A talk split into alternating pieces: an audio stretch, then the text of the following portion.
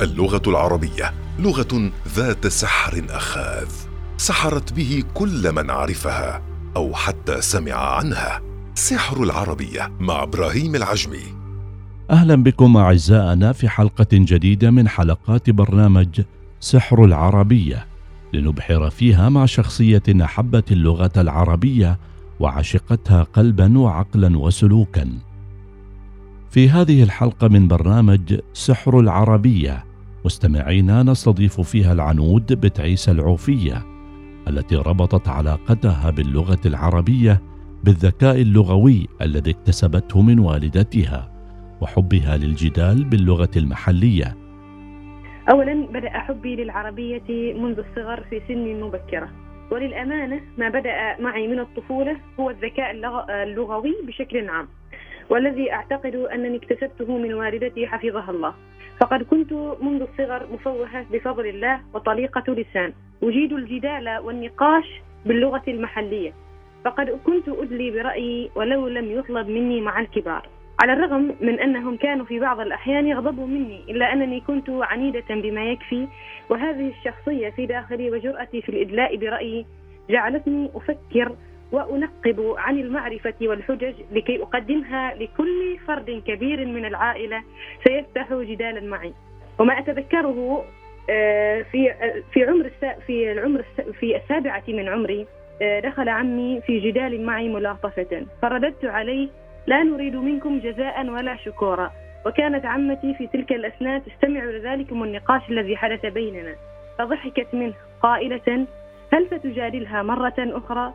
وهكذا. وتتعدد المواقف في حياتي وأنا طفلة والتي أسترجعها وتثبت لي أن العربية أو اللغة كانت منذ آه، الصغر موجودة عند العود العوفي آه، من الأمور التي ساعدتني على تنمية حصيلة اللغوية هي شيئين مهمين الاستماع والقراءة.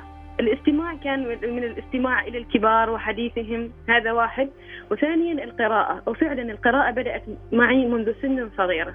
فقد كنت أقرأ القصص البسيطة والصغيرة بحكم سني ولكني تدرجت نعم من مثلا في الفصل في الصف الخامس كنت أتذكر أني أمسك مع أحد زميلاتي في أسترق الوقت الطابور في القراءة. وهكذا. وكنا نتبادل مع بعض الزميلات الكتب ناخذ الكتب وفي معرض الكتاب كذلك كان لنا نصيب من الكتب التي نشتريها ونقتنيها في هذا الموسم الفكري المميز في السلطنة. بعدها لم يفت العنود أن تتذكر أنها كانت الكاتبة الرسمية لوالدتها وكيف شاركت في المدرسة في التحدث واستقبال الضيوف ما أهلها لتخوض مسابقات في التحدث بالفصحى وصولا إلى اختيارها لتمثيل السلطنة في مسابقة التحدث باللغة العربية الفصحى في مصر ودخولها للجامعة. كنت الكاتب الرسمي للوالدة في العائلة وهذا ما جعل لغه اللغة العربية تتطور عندي منذ الطفولة. فقد كنت أكتب ما تعبره لي أمي في رسائلها الخاصة التي تود إرسالها لأهلها. وللأمانة أستطيع أن أقول أن ثقة والدي بي هي ما صنعتني وما جعلتني طريقة ومفوهة في الكلام. ثم كما أشرت سابقا أن الشخصية الناقدة والمجادلة الصغيرة جعلت معلماتي في المدرسة ينجذبن إلى هذه الطفلة آه، في المدرسة. فضمتني إحدى المعلمات إلى جماعة الإدارة الطلابية منذ الصف الأول الدراسي.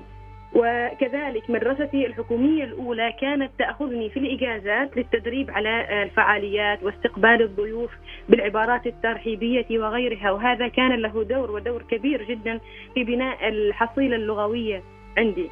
وترأس هذه الجماعة إلى أن وصلت الصف الثاني عشر آه، وبفضل الله حصلت على المركز الثاني عربيا في مسابقة الخطابة العربية والتحدث بالفصحى المقامة في جمهورية مصر العربية في عام 2016 وهكذا تطور حب اللغة العربية وما فتحته لي هذه آه، الزيارة لجمهورية مصر العربية والتقائي بسلة من سلة من العرب الذين جاءوا يتنافسون من أجل اللغة العربية من غير اللي هي الحلقات التي كنا نقيمها هنا في عمان. تلك الأيام كانت لها بصمة خاصة في آه، البناء اللغوي للعنود العوفية آه، طبعا آه، بعد رحلة مشوار سنة 12 بعد رحلة الدراسة التحقت بجامعة السلطان قابوس وأنا أصنع على عين الله إن شاء الله لأكون معلمة ومربية للأجيال. فتجربة تجربة الخطابة هذه وتمكني من اللغة العربية الفصحى يجعلني دائما مميزة في العروض التي أقدمها ويشهد لذلك آه، أغلب دكاترتي عندما أقدم عرضا في الجامعة آه، أول سؤال يتبادر إلى ذهنهم هل أنت معلمة لغة عربية؟ لله الحمد أيضا في سنتي الأولى شاركت في مسابقة الخطاب التي تقيمها آه، دائرة الشؤون الدينية في الجامعة ولله الحمد أيضا فزت على مستوى الجامعة بالمركز الثاني. ثم ذهبت العنود العوفية لوصف الحالة التي تربطها مع اللغة العربية فهي تجد نفسها ومتنفسها مع اللغة حتى أصبحت كالدواء من خلال الاستماع للمفكرين والشعراء متعهدة بالحفاظ عليها عن طريق القرآن الكريم والاستماع والنقاش والجدال المنطقي الذي بات علميا ومتسامحا مع الآخر. آه، يجد اللغة العربية كل من يدخل في نقاش مع العنود. فلا يكاد يخلو حديث لي من اللغة الفصحى ولو كنت أتحدث باللغة الدارجة المحلية. فأنا أجد نفسي ومتنفسي في اللغة العربية. متنفسي في الحياة هي اللغة العربية. ومثلا أعطيكم مثالا من واقع حياتي. في يوم من الأيام كنت متضايقة جدا.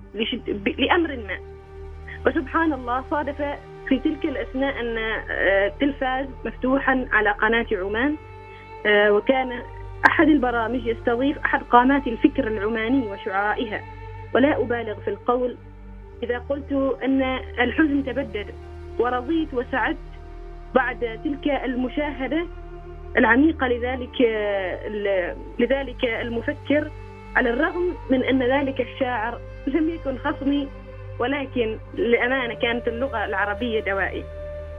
حتى الآن في أيام الدراسة ونحن نعاني من الضغوطات الشديدة والاختبارات والتكاليف وإلى آخره.